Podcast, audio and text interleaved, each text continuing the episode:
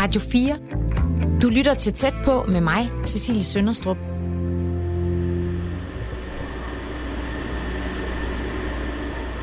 Det her er lyden af turen til Samsø. Jeg står på dækket af færgen Prinsesse Isabella, og det er et sted, jeg har stået mange gange før. Ikke lige præcis på Prinsesse Isabellas dæk, men på Samsø færgernes dæk. Det har jeg, fordi min familie og jeg øh, har holdt en hel del ferier på øen, da jeg var barn og teenager. Så den her tur, den er ikke ny for mig. Men hvis man ikke lige kender Samsø, kan jeg fortælle, at det er en ø, der ligger i Kattegat, mere eller mindre midt i Danmark.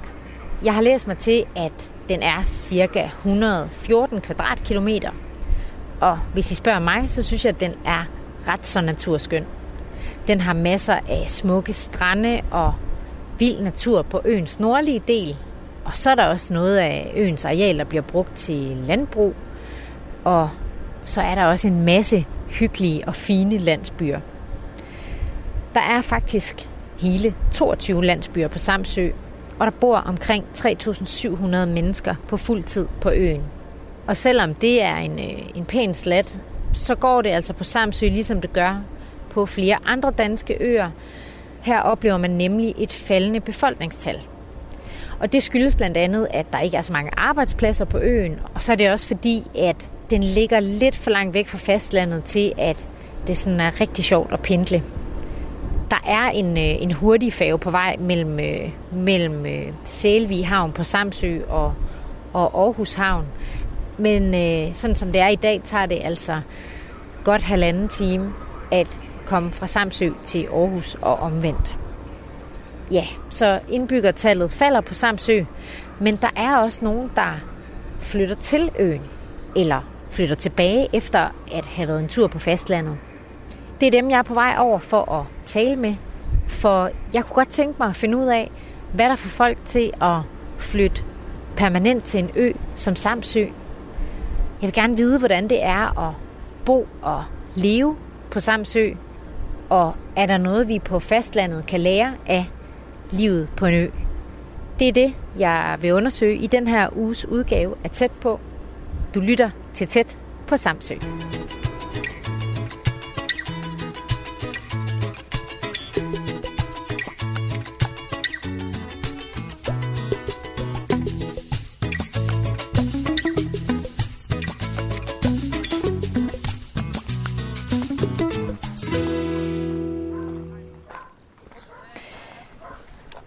Jeg er nu nået frem til Langør Havn, hvor jeg ikke tror, jeg har været før, faktisk. Øh, hvilket er lidt imponerende i sig selv, når man tænker på, at jeg har været her på Samsø i hvert fald 20 gange. Her på havnen skal jeg mødes med en mand, der hedder Nils, som for 40 år siden valgte at flytte til Samsø. Vi skal mødes på restaurant Smokehouse. Og øh, for at jeg nemmere kan finde ham, har han sendt et billede af sig selv. På billedet har han et stort, hvidt fuldskæg. Han ryger pipe, og så kigger han sådan meget fast ind i kameraet. Man kan se, at han sidder på en, en båd, og i baggrunden er der et styrehus. Så han ligner sådan en, en rigtig skipper, som man ser i film og tegnefilm. Så jeg tror ikke, han bliver så svær at finde.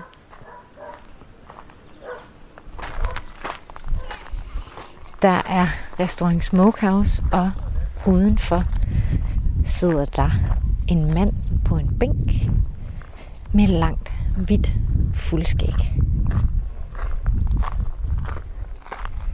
Hej. Er det Niels? Hej. Må du skytse med? Jeg har skytset med. Ja, ja. Godt at møde dig. Hej, hej du. Hvad sidder du og ryger der? En serut som en. En serut. På det billede, du sendte, der, der røg du pip. Ja, det gør jeg normalt.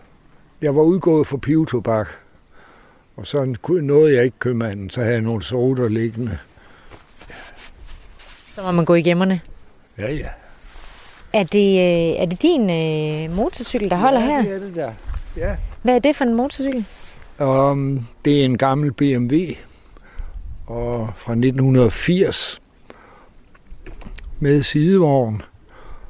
Og jeg er kommet i den alder, hvor jeg gerne vil have det tredje hjul. Så jeg kalder den min rollator, også kaldet Rollo. Jeg har også en solo motorcykel. Når det skal gå lidt hurtigere, så hopper jeg på den. Og jeg har kørt motorcykel ja, siden jeg var 18 år, eller endda lidt før, og, og elsker det. Og nu siger du, du har nået den alder, hvor man gerne vil have et, øh, hvad kaldte du det? Det tredje jul. Det er tredje Ja, ja. Hvor side- gammel er du, Nils? Jeg er 82. Du er 82. Ja, ja. 82, det, sådan går det, når man venter længe nok. Ja, det er naturens gang. Og du har jo foreslået, at øh, vi skulle mødes her ved, øh, ved restaurant Smokehouse. Ja, det Øh. har jeg. Hvad er det her for et sted? Ja, Smokehouse, det er jo altså det, som, som det er. Det er en lille restaurant. Og, men stedet som sådan, Langør, det kan der jo siges meget mere om.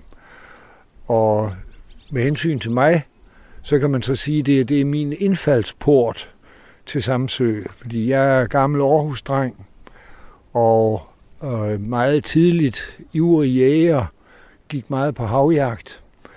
Og så var Samsø et tillokkende mål fordi herover er der et meget, meget rigt øh, dyreliv på havet. Og så første gang, det var i 1962, at jeg var sejlende her til, til, til Samsø, og det var så Langøre. Hvordan kan det være, at du lige endte her? Ja, det er fordi, det, jo, det var den havn, der bød sig til fra Aarhus. Der er også et par andre havne længere sydpå, men øh, desuden så er det her jo det område, hvor havdyrene holder til, med småøer og stavnsfjord og holme og øh, lavvandede områder, dit og dat. Så Langør var i og for sig oplagt. Og øh, det var, kan man godt sige, en skældsættende begivenhed i mit liv, fordi jeg blev altså med det samme fuldstændig indtaget øh, i netop Langør. Ja, vi skal tale meget mere om, hvad, hvad Langøre øh, er for et sted, og hvad det har betydet for dig. Nils, jeg ved, at øh, der er noget, du gerne vil vise mig inde ja. Ja. på restauranten. Hvad er det? Det er nogle fotografier, overvejende nogen, jeg har taget øh, for cirka 50 år siden. Ja. Og, og dengang det her sted var nyt, for en 3-4 år siden, der kunne jeg med det samme godt lide stedet, men de havde sådan nogle øh, tåbelige billeder hængende på væggen, sådan med solnedgang over en palmekyst og sådan noget. Fuldstændig ligegyldigt, og det sagde jeg til verden. at Jeg synes, de skulle få noget, der havde med Langøre at gøre. Ja, men hvor skal vi få det fra? Så sagde jeg, det kan I få herfra, for jeg har dem derhjemme. Nå, så satte vi os sammen og kiggede en stor bunke fotografier igennem, og valgte så dem, som vi kan kigge på nu. Ja. Du lytter til Radio 4. Hej. Hej. Og det er simpelthen øh, de billeder, der hænger her. Ja, Har du taget det her? ja. Hvad, hvad er det, vi ser på det billede? Ja, der ser vi en fisker, som hedder Jan Christensen, som lever endnu som gammel mand, som drev en del ålefiskeri ude i fjorden. Ålefiskeriet var det vigtigste fiskeri her fra Langøre. Og der er han så med en, en ung medhjælper, øh, efter, hvor de så bærer noget fangst op. Det er som bare det. Det næste billede, det er, øh, synes jeg, et meget interessant billede, og foruden at der er en god stemning over det. Men det viser det fartøj, som Langørefiskerne brugte. Og Hvad er det for et fartøj? det er en lille træbåd, åben båd, fladbundet, altså det man kalder en pram, øh, med en ganske lille motor øh, anbragt under det, det lille agterdæk, sådan på en 3-4 heste. Og de blev bygget nede ved Odense Fjord af en mand, som egentlig var julemager, men som også lavede øh, både specielt skydepramme og sådan nogle rygtepramme, som man kalder dem. Og det var nogle enestående fine fartøjer øh, af udsøgte materialer, meget fint forarbejdet. De var lette, stærke, og de skød, selvom de havde en meget beskeden motorkraft, så skød de en forbløffende fart. De nærmest skøjtede hen over vandet. Og den type var enerådende på Langøre. Der blev også bygget både på Samsø, men det var nogle kluntede, øh, øh, tunge, melankolske skabninger sammenlignet med den der Gerskovpram, som den kaldtes. Og hvornår er det billede taget? Det er taget cirka og i slutningen af 60'erne i sidste århundrede. Ja. Når så ser vi en gammel røver. Det er det næste billede. Ja, det er med skibberkasket. Uh, han kaldtes Jens Kanin. Hvorfor det? Ja, det kan vi komme til om lidt. Men jeg vil lige så først sige, at han var øh, egentlig fisker, og kendt i alle danske farvande, men ikke så meget som fisker, men som øh, smugler. Han var spritsmugler i den helt store stil. Og, og snørrede tolvvæsen og politi og alle. Der var ingen, der kunne klare ham der. Han sejlede øh, med en større kutter til Tyskland i 20'erne og 30'erne og hentede per tur øh, cirka 9.000 liter øh, ren alkohol, altså det man kalder 96 øh, finsprit. Ja. Og, og det sejlede han til Danmark, til Norge, til Sverige og til Finland, hvor der var afsætning på de der sager. Og, så det, det blev altså til noget. Så under krigen lavede han mangfoldige andre ting. Og, men blandt andet var han den mand, som, som reddede en stor del af Bornholms politi, i det han sejlede dem til Sverige, dengang de blev øh, skulle anholdes af tyskerne og sendes i koncentrationslejre i september 1944. Øh, der var der en af dem, der henvendte sig til ham og sagde, kan du ikke hjælpe os, Jens? Jo, sagde han, fordi tyskerne, det eneste sted på Samsø, eller på Bornholm, hvor de ikke leder efter jer, det er hos mig, fordi de ved, at, at vi ikke er venner. Han var forbryder, øh, og de var politifolk. Men nu var der altså en ny situation, og det lykkedes at få dem til Sverige. Så han var sådan set også lidt af en held. Nå, så startede han igen efter krigen med, øh, med sin ikke mindst netop med smuglervirksomhed og sådan noget. Og, og på sine gamle dage, der holdt han til om sommeren på, på Langeøre. For her var han nærmest vokset op. Og i det forældrene havde en lille kutter, hvor de var en masse børn med altid. Og de fiskede fra Langøre om sommeren, og der taler vi altså om tiden omkring år 1900. Så det er længe siden. Og men ham var jeg ven med i mange år. Ja. Og han var, han var ikke kedelig, det kan jeg garantere for. Og hvad med navnet Jens Kanin? Ja, det skyldes, at der ligger en ø her øst for Samsø, som hedder Vejrø. Og der vrimler det med vildkaniner. Og, og øen tilhører godset på, på Samsø, Brattingsborg. Og jagten lejes ud. Men øh, der er jo altså også nogen, der driver lidt krybskyttejagt derovre. Det er fristende at gå i land og skyde nogle af de her kaniner. Og de smager i øvrigt meget velsmagende, vilde kaniner. Smager bedre end hare. Nå, men øh, Jens og hans brødre, de har været deres store lømler på en 15-17 år. Øh, de gik meget på krybskyttejagt på Vejrø. Pif, paf. Men så fandt de ud af, at det der med at, at skulle skyde dem enkeltvis, det kostede jo en masse patroner, og det tog lang tid. Så satte de rødspættegarn på tværs af øen og jagede kaninerne ind. Så hang de der og sprællede. Så kunne de bare lige dreje halsen om på dem og ud i kutteren. Øh, et ordentligt læs, og så sejlede de til København. Og der sad så deres mor og solgte de her øh, krybskytte kaniner der var de så flået, så man ikke rigtig kunne se, hvad det var for nogen. så solgte hun dem som svenske skovharer. Og, men altså, det rygtedes jo hurtigt øh, i det der, øh, den afdeling af København. Og så fik de tilnavne kaninerne. Jens kanin og Sofus kanin og Hans kanin og faren kaldte de den gamle kanin. Det var kaniner hele, hele bundet. Men, og det til trods for, han lignede overhovedet ikke en kanin. Han lignede nærmest en søløve. Han var meget muskuløs. Ja, kan du ikke lige prøve at beskrive, hvordan han ser ud? Jo, altså det. Ja, det kan lytterne jo selvfølgelig ikke se, øh, fordi de kan jo kun lytte.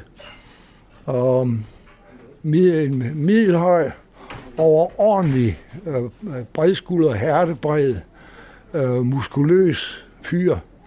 Og med sådan et forslagent ansigt, smalle øjensprækker, og, og ja, det er ikke nemt at, at skildre sådan helt anskueligt, men det kan da være, at nogle af dem, der lytter til det, at de har, de har kendt ham, for han kom meget rundt omkring i Danmark på sine tugter, og døde som 93-årig i København. Han holdt til om vinteren på Christianshavn.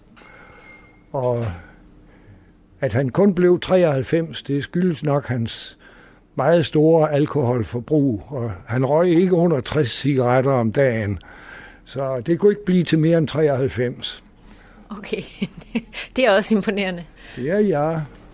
Jeg tænkte på, Niels, skulle vi ikke, uh, skulle vi ikke gå en tur ned uh, på selve havnen? Det kan vi og, godt. Og kigge lidt ja. på skibene? Jo, det kan vi da gøre. Der dufter ellers godt herinde i Smokehouse. Ja, ja, de laver rigtig god mad. Det er et lille spisekort, men det de har, det er udsøgt. Nu, øh, nu, talte du, øh, nu fortalte du lidt om det her med, hvordan Langøre var, da du tog de her billeder øh, tilbage i 60'erne og, og 70'erne. Hvad vil du sige? Øh, skal vi gå den her vej? Ja, jeg skal bare lige af med trøjen her. Det bliver lidt for varmt. Ja. I dag er det bare en ganske almindelig marina, hvor der kommer plastik, øh, lystbåde mange steder fra. Men øh, den gamle fiskerkultur er der intet tilbage af. Intet som helst. Så det er kun folk, der øh, det er kun lystbåde, der ligger her? Det er med en eneste undtagelse. Det er den kutter, der ligger der. Og, og det, men det er så heller ikke i egentlig forstand et fiskefartøj. Men det er, en, det er et det er en foderkutter til et havdambrug, der ligger ude i Nordby Bugt. Øh, og et havdambrug, det er sådan nogle netindhegninger, der ligger og svømmer ud til søs, hvor der er udsat øh, øh, laks eller regnbueørder og sådan nogle fisk. Um, og de bliver fodret med udmærket foder. Og det gør, det gør den her kutter? Det klarer den der kutter. Skal vi lige kigge på den? Ja. Den er... Den har Dannebrogs farver. Ja, ja. Og rød og hvid. Jeg ved ikke, hvorfor de har malet den i de... Det er jo ikke typiske farver for en fiskekutter i Danmark. Hvad er typiske farver for en fiskekutter? Det er egentlig øh, hvid, men brækket med blåt. Det, det er den klassiske. Og nu er de så blevet mere, mere og mere blå med tiden. Der er mange af dem, de er sådan køkkenblå. Det ser farligt ud. Men altså en, en, en hvid, som er lidt over i turkis eller blå, det, det er den rigtige fiskekutterfarve. Radio 4 taler med Danmark. Du lytter til programmet Tæt på på Radio 4, hvor jeg i den her uge besøger Samsø og taler med nogle af de mennesker, der bor på øen, der enten har valgt at flytte hertil, eller har valgt at flytte tilbage efter at øh, være vokset op her. En af dem, der har valgt at, at flytte hertil, det er dig, Nils. Øhm, du kommer oprindeligt fra Aarhus, øh, men så for godt 40 år siden øh, beslutter du dig for at flytte herover. Hvordan kan det være, at du er ind på Samsø? Ja, det er fordi jeg jo altså øh, allerede 20 år inden jeg flyttede hertil, var blevet meget, meget glad for Samsø, havde fået venner herovre, og øhm, ja, altså grunden til, at jeg øh, fik øje for Samsø, som så blev en del af min skæbne, øh, det var det, at jeg øh, fra stor knægt af øh, var meget, meget jagtinteresseret. Og da jeg ikke havde nogen landjagt at kunne gå på, min far var ikke jæger, så var havjagten, som jo er fri, det var det eneste, jeg kunne. Og jeg havde en lille båd, så jeg købte som 14-årig allerede. Og, og der opdagede jeg, at havet vrimler jo om efteråret med, med ender, dykænder, hovedsageligt æderfugle. Og når jamen så blev, fik jeg efterhånden et lidt større jagtfartøj og kunne komme længere omkring. Og så havde jeg kigget på Samsø, fordi jeg kunne jo af kortet se, at det måtte være et sted, der var godt til havjagt. Specielt Øst-Samsø, øh, herude for Langøre. Og så sejlede jeg herover i 1962, og det blev altså en skældsættende sejlads, kan man sige. Jeg kom til Langøre og blev vildt indtaget i Langøre, som var eksotisk. Det var som at komme til sine oldeforældres Danmark eller sådan noget. Der var ikke øh, netstrøm, der var ikke ledningsvand, og øh, det var meget, meget gammeldags, alt sammen meget spændende. Og en fantastisk jagt. Så der kom jeg jo så igen og igen, og, og mine, slæbte mine venner med, og nogen købte hus herovre, og dit og der var sådan en helt ja, trend til, at nu skulle det være Samsø. Og hvad, hvad var det ved det her med, at, øh, at det var sådan øh, en tidslomme måske, at det, det var lidt gammeldags herovre? Hvad var det ja. ved det, der var fedt, synes du? Ja, det var mentaliteten, stemningen, og det var noget andet end, end det der overfladiske byliv, og meget mere naturforbundet, og, og nu var det sådan set ikke så meget de indfødte på Langeøre, som vi havde kommet. De var sådan, nogle, de fleste af dem temmelig reserverede. Men det var de der sejlende originaler, som kom andre steder fra, som jeg har fortalt om med billederne, ved billederne. Og der var også andre. Der var nogle meget, meget spændende hummerfiskere fra Grenå, og Anders og Victor og Tykke Ip. Og, for der var mange hummer ude dengang. Og når vi havde et gevaldigt leben, og så havde vi jo netop venner og kærester og dit og dat med. Så der blev, der blev fejret. Der var liv i kludene. Og så på et tidspunkt, så tager du springet og, ja. og, og beslutter dig for at flytte ja. herover. Hvad sker der der? Ja, hvad der sker, det var det, at jeg havde i nogle år været universitetslektor i nyere tysk litteratur. Det var ikke nogen succes og det var i studenteroprørets glade og gale dage. Og jeg kunne ikke sælge varen. Det, øh, sådan noget ældre litteratur, det kaldte studenterne for gammelt borgerligt lort. Og det var, øh, jeg havde de forkerte meninger, og jeg, ja, det, det var, der var også altid ballade på lærerværelset. Og øh, det, var, det var i vild opløsning. Og så efter nogle år på den måde, der tog jeg så en stilling som øh, museumsinspektør på Fiskeri- og Søfartsmuseet i Esbjerg. Og det passede mig noget bedre.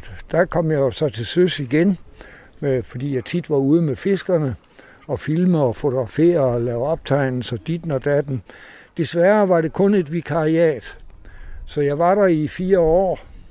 Det var et langt vikariat. Ja, det var det. Og, men så var så skulle den gamle inspektør tilbage i sin stol, og så var jeg pludselig arbejdsløs. Så kunne jeg søge stilling øh, et eller andet gymnasium eller et eller andet. Det havde jeg ikke meget lyst til. Altså, da jeg øh, måtte opgive min stilling i Esbjerg i 1979, så øh, købte jeg hus på Samsø og blev fastboende. Øh, men tilbragte dog det meste af tiden til søs. Men min bopæl var Samsø, og det har det været lige siden.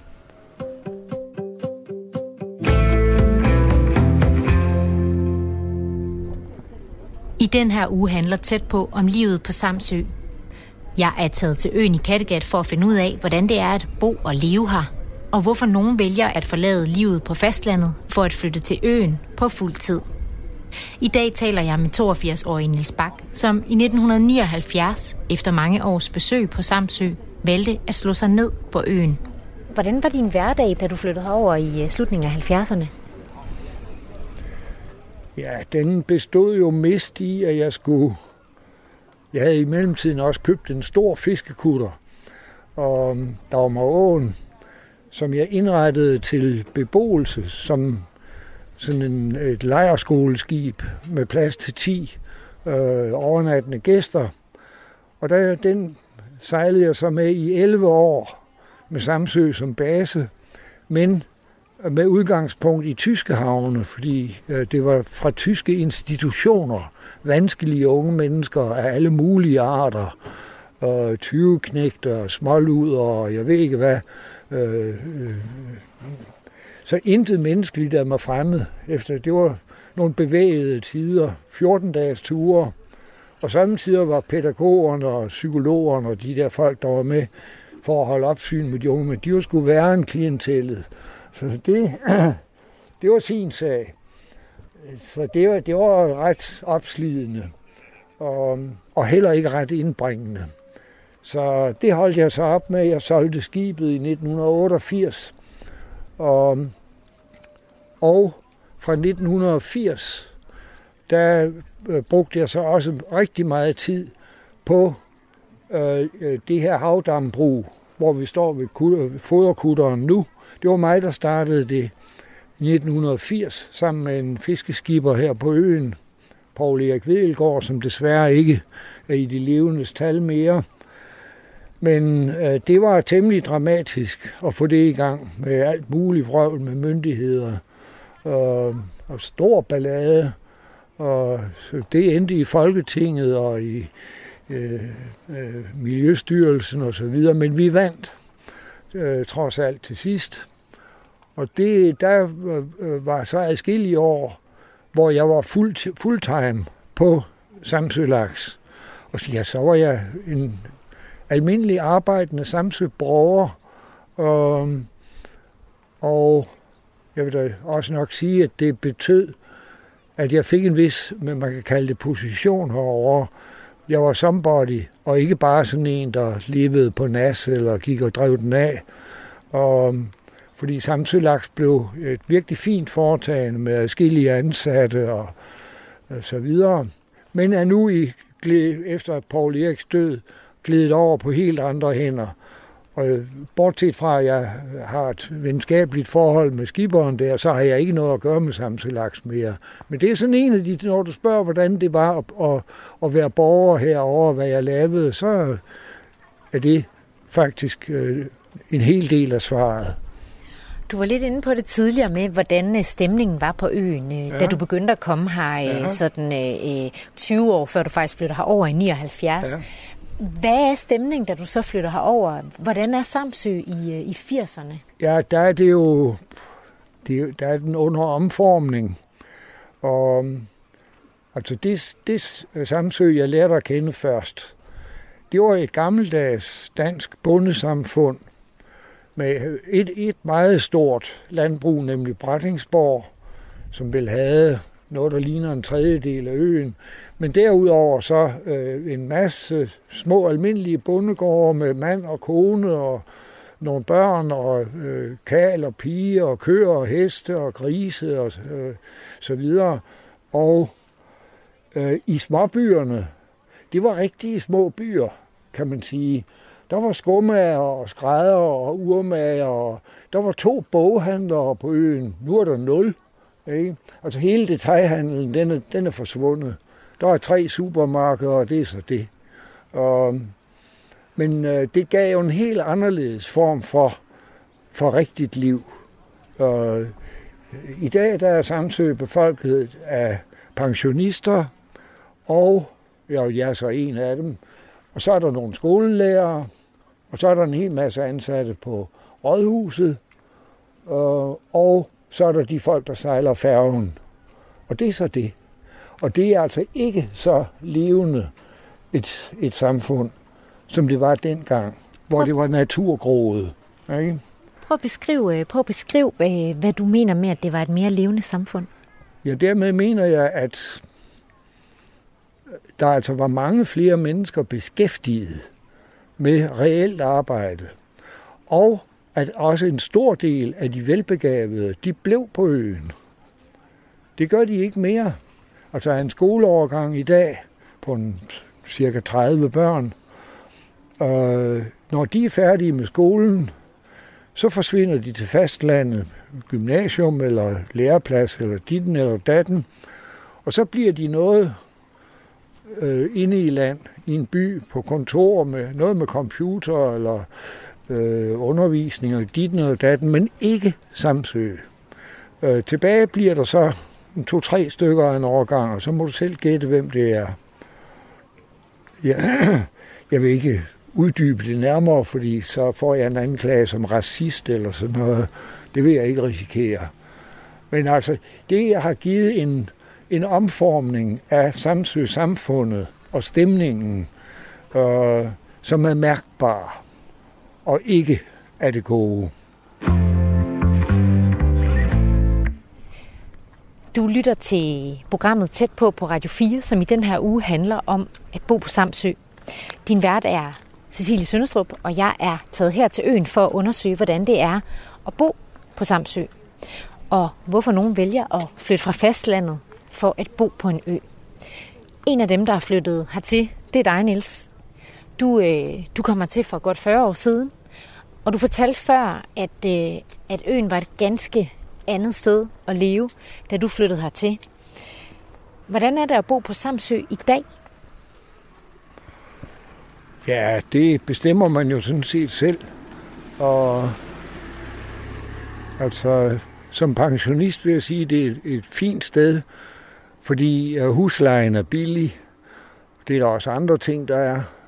Så man, man får mere ud af sin pension ved at være her, end hvis man var i Aarhus. Øh, specielt netop hvad bolig angår. Hvad koster en bolig øh, typisk på Samsø? Det er fra næsten ingenting og så til, til meget mere, men altså huspriserne herovre, de er, vil jeg sådan groft skyde på, cirka det halve af landsgennemsnittet. Det, men så kommer det jo an på, hvad det er for et hus. Men jeg kan fortælle lidt om det hus der, hvis ja. du vil høre det. Ja, prøv lige at beskrive det øh, ja. for lytterne. Ja, vi står her ved et, ser på et øh, lille øh, hus, som er bygget af, øh, af sten, natursten, som sådan er, er fuget sammen. Og så er det ikke særlig kønt etanittag, men det er så, hvad det er. Men det, der er det interessante ved det hus, det er, at det er faktisk bygget som kullager. Dengang Langør var en handelshavn, og der kom handelsskibe. Og det var jo sejlskibe og dampskibe, og de skulle have kul, for at de kunne sejle. Og der var et stort kullager, hvor de kunne hente kul, hvis de betalte for det. Nå, men så omkring 1894 stykker, øh, der ophørte Langørs rolle som handelshavn. Så blev den fiskerleje, det har jeg nævnt. Og så blev det gamle kullager, så blev det øh, garnhus og redskabshus for den mest velhavende af fiskerne på Langøre. Det var det så i cirka 60 år igennem to generationer. Og nu er det så sommerhus. Så det er et, øh, et hus, som viser forvandlingen fra kullager over øh, redskabsskur for en fisker, og så i dag øh, byfolk, der har det som sommerhus. Ja. Og hvordan, øh, hvad synes du om den her udvikling, som øh, man har set her på øen? Som du har set her, som du har oplevet her på øen? Ja, altså nu er jeg gammel og måske lidt konservativ, så jeg synes selvfølgelig ikke så, så vældig godt om den udvikling. Og man kan så sige, at folk har det bedre nu om dagen. Det er ikke, de er ikke så fattige. Det er ikke det slid og slæb, som det var før i tiden. Så man skal ikke bare se det negativt. Men altså, øh, der er ikke så meget liv mere. Det, det må man bare erkende. Øh, fordi der er færre, der bor her fast, eller hvad? dels er det nogle færre, der bor her, dels er det jo nogle helt andre. Øh, det, det, det er pensionister, og ja, også er der jo ikke så meget liv i, som der, som der er i de 25-årige. Der virker nu til at være rimelig godt gang i dig, Niels. Nå, ja, Hvad får, du egentlig, hvad får du egentlig tiden til at gå med øh, her? De sidste 16 år, der har jeg været, været stort set alene skipper på Samsøs udflugtskutter, for, som sejler med turister om sommeren på sælsafari og sådan noget. Hvad er det? Hvad er sælsafari? Det er, at man sejler ud og ser på sæler, som det vrimler af i farvandet herude. Det kalder vi sælsafari. Og, men nu er den kutter, den, nu er den kutter solgt øh, til Aarhus. Og så min virksomhed som, som udflugtskutter skiber, den er så ophørt. Og nu skal jeg så finde ud af, hvad jeg skal have tiden til at gå med. Og jeg tager gerne lange ture på mine motorcykler. Jeg har ikke bil, og det agter jeg heller ikke at få. Jeg kan bedre lide at køre motorcykel. Øh, så er jeg meget glad for læsning. Og jeg har mange venner, øh, som jeg har det hyggeligt med. Og jeg har et par dejlige børn, og nu en flok udmærkede børnebørn, som også er mig til stor glæde. Øh, bor de her på øen? Nej, det gør de ikke. Nej, de bor i Jylland, hele flokken, forskellige steder. Det sker, at de kommer og besøger mig, men da de jo har travlt, de er jo stadig i de unge år, um, så er det mest mig, der besøger dem. Jeg har jo mere tid og kan sådan set gøre, hvad der passer mig. Det er en af fordelene ved at være pensionist, er det ikke? Ja, jo, jo, jo, jo, jo, det er det da. Savner du noget fra, fra tiden, øh, fra dengang du flyttede herover? Ja, jeg savner det, det vi kunne kalde fiskerkulturen. Det har vi jo talt noget om i forbindelse med, med, med Langøre, men der var jo også rigtig øh, større fiskekutter. Øh, der var, da jeg flyttede til Samsø, var der 29 fiskekutter, rigtige fiskekutter, hjemmehørende på Samsø. Der var 19 i Kolby Kås og 10 øh, i ballen. Nu er der 0. Simpelthen, fiskeriet er forsvundet. Og med fiskeriet så også øh, skibsbyggeri, havnesmedie, skibshandler og alt det, som fiskeriet holdt i gang. Og frem for alt det, at der var liv på havnen, også om vinteren, hvor de kom ind med store fangster, og de slagtede fisk, og de blev iset og kørt væk, og der var, der var gang i sagerne. Men så skulle kutterne jo også af til repareres, de skulle på land og males og gøres ved. Det var der et skibsværft til med 6-8 skibstømrere. De er også væk. Eh, skibshandleren i, i ballen, han er væk. Havnesmedien, som holdt motorerne i gang, og dækspil, og øh, alt, hvad fiskerne skulle bruge af smedearbejde, han er væk. Ikke? Simpelthen. Og det vil sige sådan en havn. Om sommeren, der fyldes den op med, med plastik øh, lystbåde. Hvordan har du det med plastik lystbåde? Ikke særlig godt. Jeg kan ikke lide dem. Hvorfor? Fordi jeg er træskibsmand. Og træ er et levende materiale. Der er en god luft i et træskib. Det er der ikke i en plastikbåd. Og mange af dem, specielt motorbådene, har et ualmindeligt grimt design, som ikke hører hjemme på havet, men det har de så alligevel. Jeg erkender, at mange af, af, de, af de sejlende lystbåde, altså med sejl, det er sådan set fine konstruktioner. Det er nogle gevaldige sejlmaskiner, og de er meget sødygtige. Og, men altså, det er, ikke, det, det er bare ikke mig. Nej. Jeg er fra en anden tid. Og nu har vi talt lidt om, om nogle af de ting, du, du savner. Er der noget, som, som du synes fungerer bedre i dag på Samsø, end det gjorde for øh, 30, 40, 50 år siden?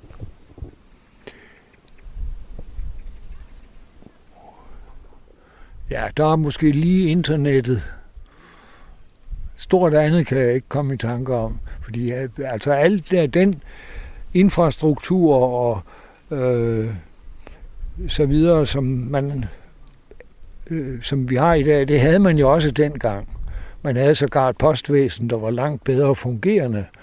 Øh, telefonerne fungerede bedre end de, øh, de her mobiltelefoner i dag. Så altså, jeg kan ikke se det store fremskridt.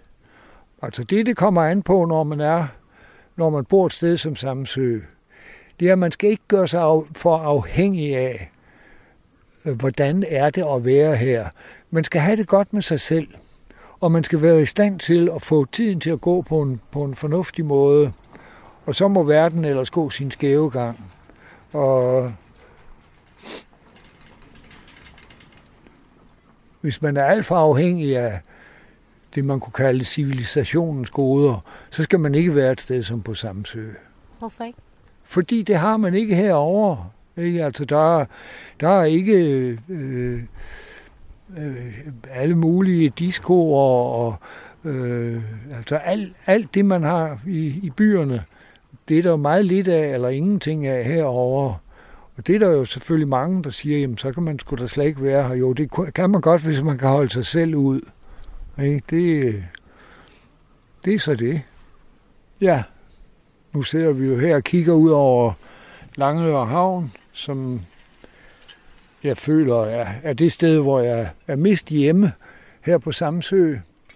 Og nu har jeg så fortalt lidt om ditten og datten, og nu kunne vi jo runde af med, at vi går hen på den stedlige øh, lille restaurant med den skønne udsigt over Stavns Fjord, og får os et lille bæger.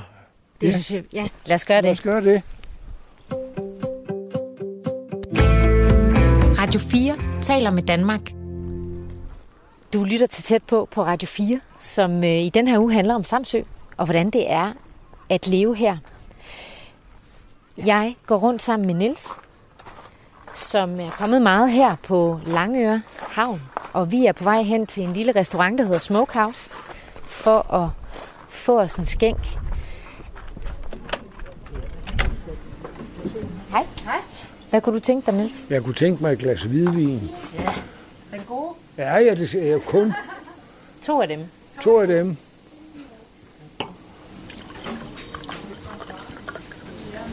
Kan du have dem, Niels? Ja, det kan jeg sagtens. Det kan Ich habe alle Hände voll zu tun. Skål. Jamen skål og i lige måde.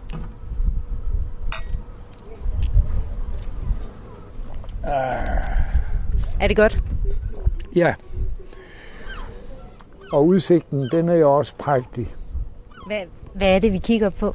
Vi kigger ud på, ja, dels er der jo så alle de der lystbåde, og det er lige ved, man kunne ønske, de ikke var der, fordi der er et utroligt skønt landskab. Stavns Fjord, det er sådan en indsøagtig fjord med et smalt udløb, og så ellers sådan en ret stor rund, temmelig lavvandet øh, formation. Og den har den ene holm efter den anden, der ligger øh, sådan, øh, højt opkublet. Det er det eneste intakte stenalderlandskab, der er tilbage i Danmark. Det er Stavns Fjord, og som selvfølgelig også er fredet meget strengt. Og, men der er dog indtrådt en, kan man kalde det en miljøulykke eller miljøkatastrofe i de senere år.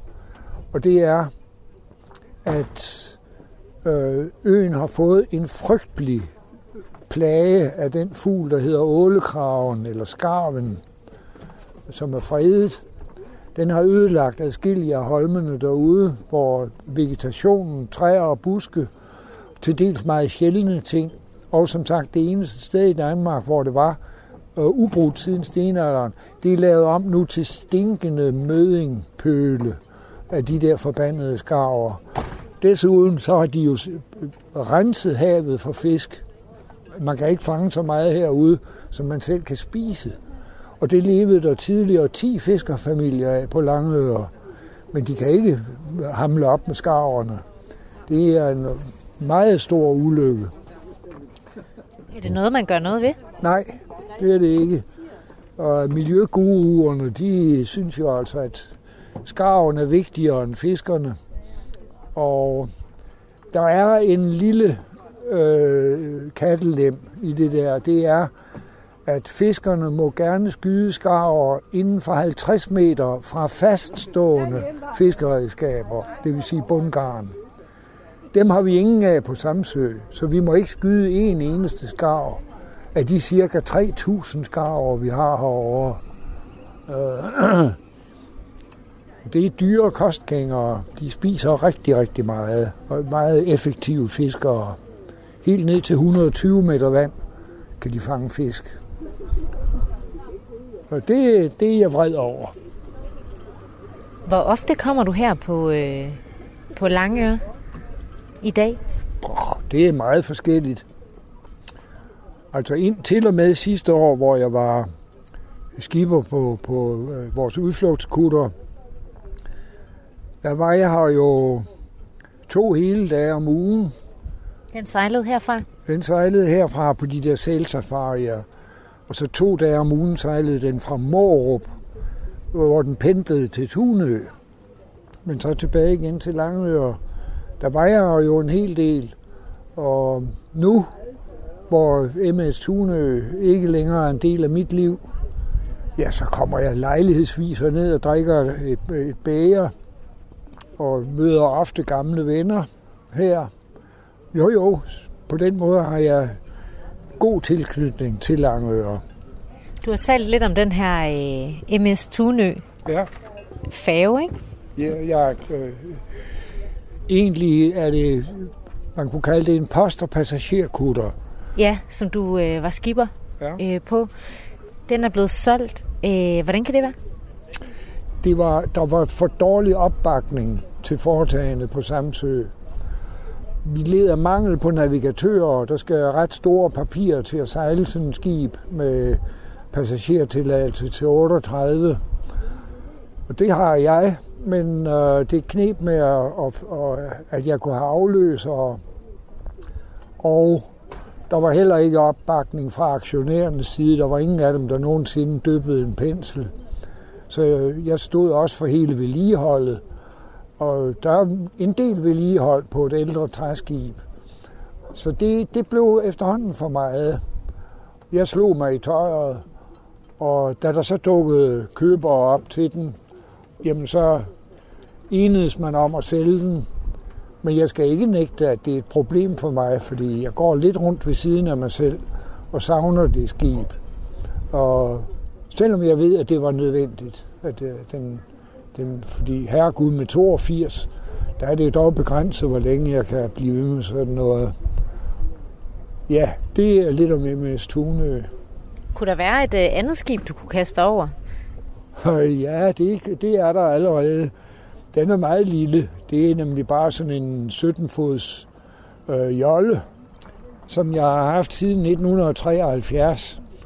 Men den har så været forsømt i alle de år med MS Tunø. Den er jeg ved at sætte i stand så jeg kan øh, komme ud og sejle igen og sætte et garn. Og, fordi jeg er sømand, og jeg, jeg skal altså sejle. Sådan er det. Du er, øh, du er 82, Niels. Ja. Bliver du boende her øh, for evigt, tror du?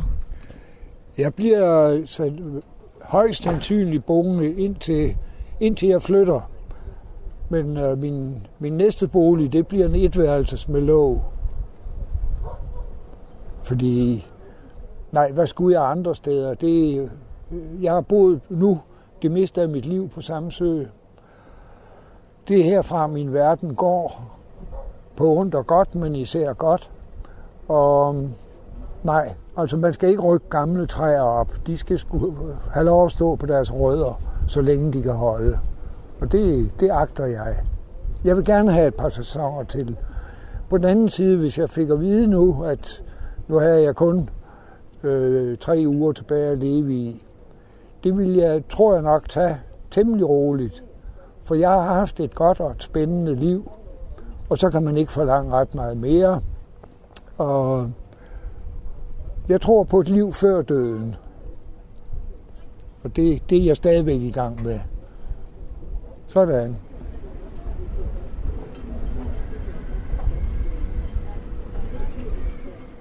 Du har lyttet til Tæt på Samsø på Radio 4, hvor jeg i dag talte med Niels Bak. Du kan genhøre udsendelsen på radio4.dk eller finde den via Radio 4's app, iTunes eller hvor du nu ellers foretrækker at hente lyd til dine ører. Mit navn er Cecilie Sønderstrup, og jeg har tilrettelagt og redigeret dagens udsendelse. Vi høres ved.